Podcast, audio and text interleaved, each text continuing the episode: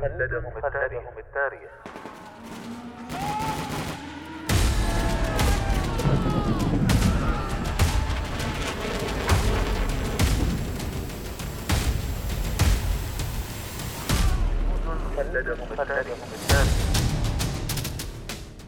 كم يفخر التاريخ العسكري برجال كتبوا سيرهم في سجلاته بحروف من الجهد والتضحية والعطاء. فبقت أسماؤهم خالدة باقية مثالا لمعنى الجندية التي دبت خطواتها كل شبر من أرض الوطن. جنود خلدهم التاريخ. برنامج أسبوعي نتعرف من خلاله على الجنود الذين ضحوا بحياتهم من أجل أوطانهم. يعده الدكتور هلال بن سعيد الحجري ويقدمه الرائد الركن. محمد بن سعيد المشيخي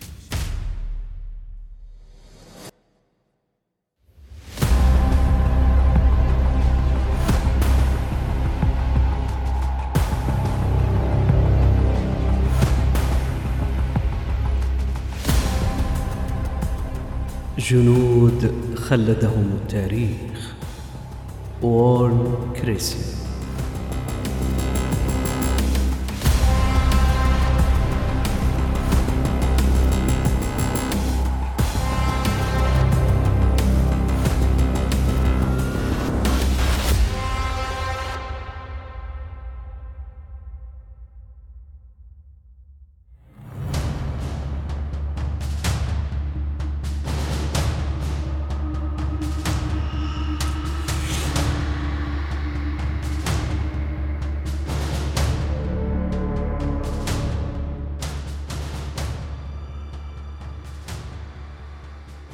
ولد وورن كريسي في قرية كوروبوس كريستي في ولاية تكساس بأمريكا يوم الرابع من يناير من عام 1923 أولئك الذين عرفوه أطلقوا عليه لقب هاردنج نشأ هو وزوجته مارجريت معا كأصدقاء الطفولة في يوم من أيام الأحد عندما كانت مارجريت في التاسعة من عمرها وكريسي في الثانية عشرة من عمره ظهر في منزلها مرتديا ملابسه الأنيقة مع باقة من الزهور وعلبة من الآيس كريم هدية لأمها. أعلن كريس حينها أنه جاء ليطلب من مارجريت الزواج حين تبلغ سن الثامنة عشرة من عمرها. بعد تسع سنوات فعل ذلك بالضبط. لقد كان مثالا مبكرا على صفات كريسي في التصميم والمثابرة.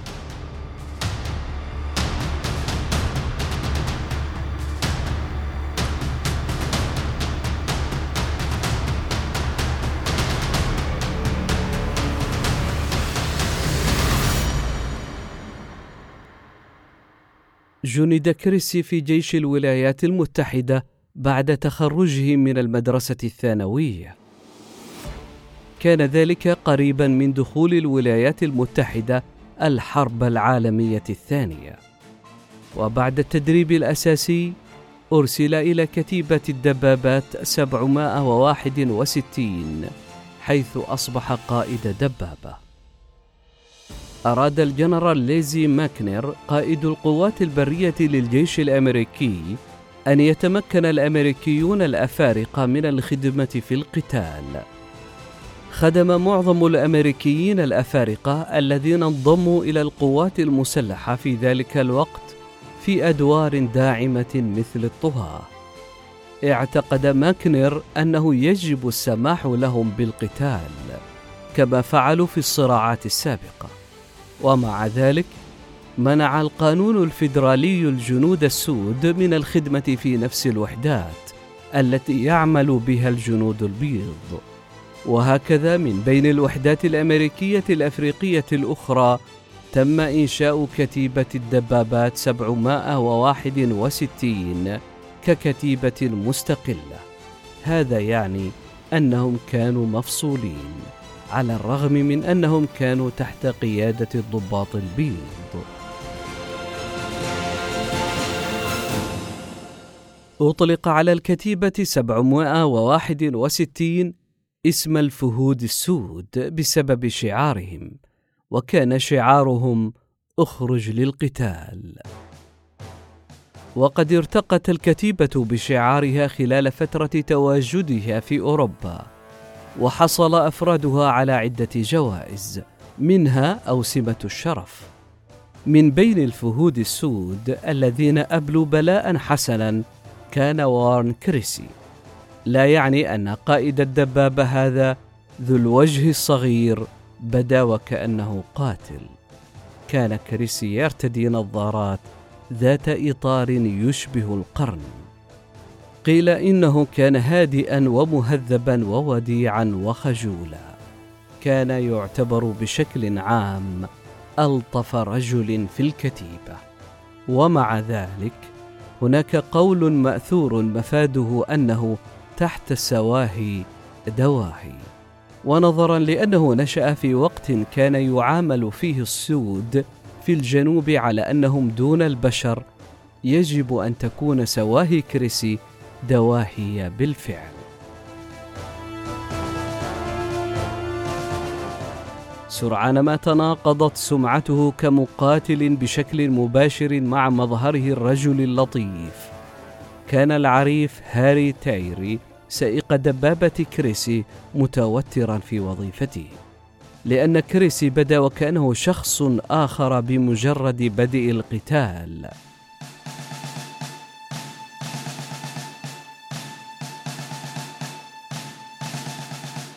شهدت الكتيبة 761 نشاطا في فرنسا في أوائل نوفمبر من عام 1944 في مدن مونيفيتش وفيكسورسيل ومورفيلسفيك. بحلول نهاية الشهر فقدت الكتيبة أربعة وعشرين رجلا وأربع عشرة دبابة.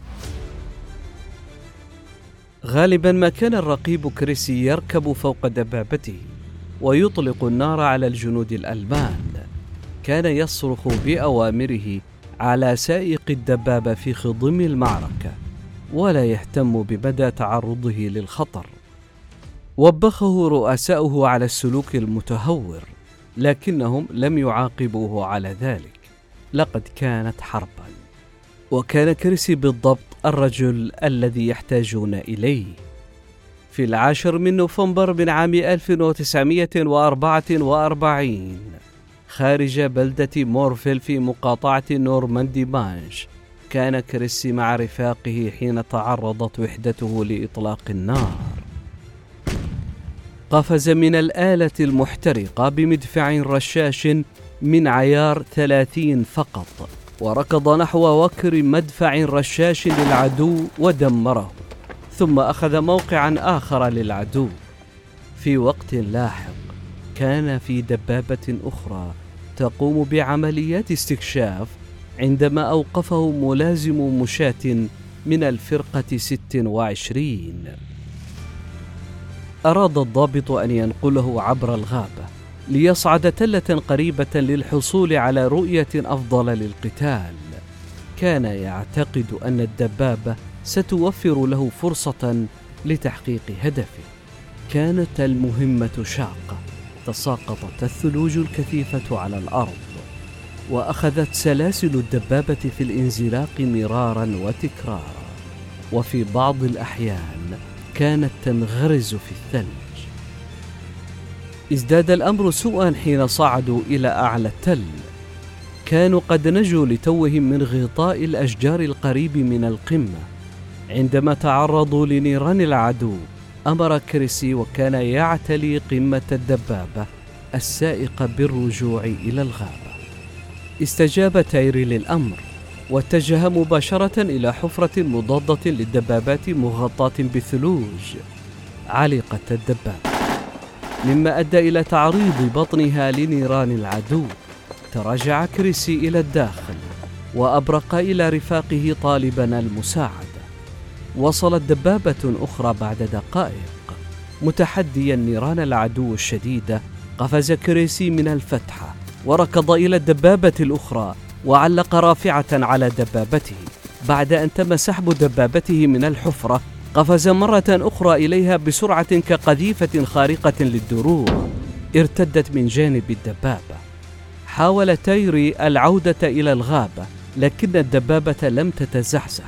في هذه الأثناء رأى كريسي أن المدافع الرشاشة الألمانية كانت تحاصر وحدة المشاة خلف دبابة الإنقاذ. لذلك استخدم مدفع رشاش الدبابة عيار خمسين ليحصد العدو بوابل من الرصاص. لقد هزم عدة مواقع للمدافع الرشاشة المعادية مما أدى إلى التخفيف عن المشاة حتى يتمكنوا من مواصلة تقدمهم.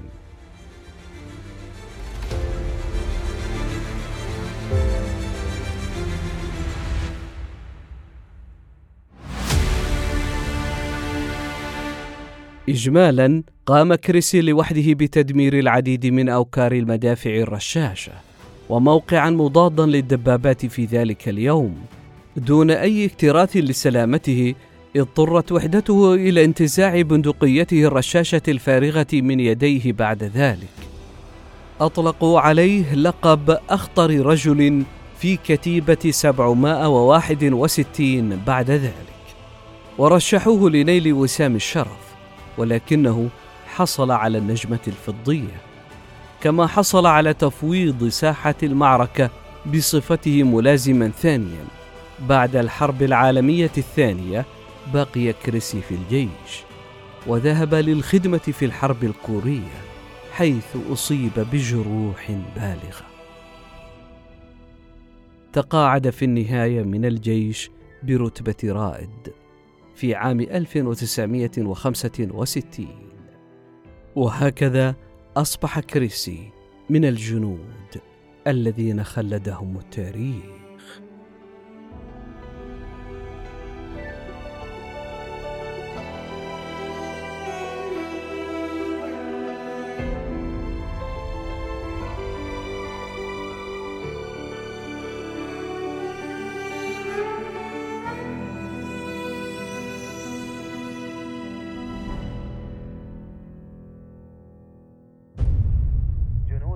خلدهم التاريخ.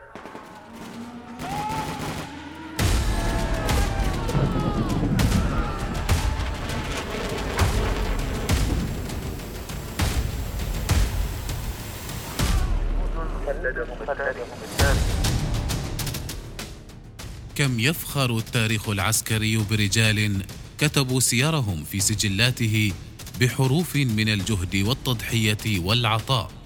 فبقت أسماؤهم خالدة باقية مثالا لمعنى الجندية التي دبت خطواتها كل شبر من أرض الوطن. جنود خلدهم التاريخ. برنامج أسبوعي نتعرف من خلاله على الجنود الذين ضحوا بحياتهم من أجل أوطانهم. يعده الدكتور هلال بن سعيد الحجري ويقدمه الرائد الركن. محمد بن سعيد المشيخي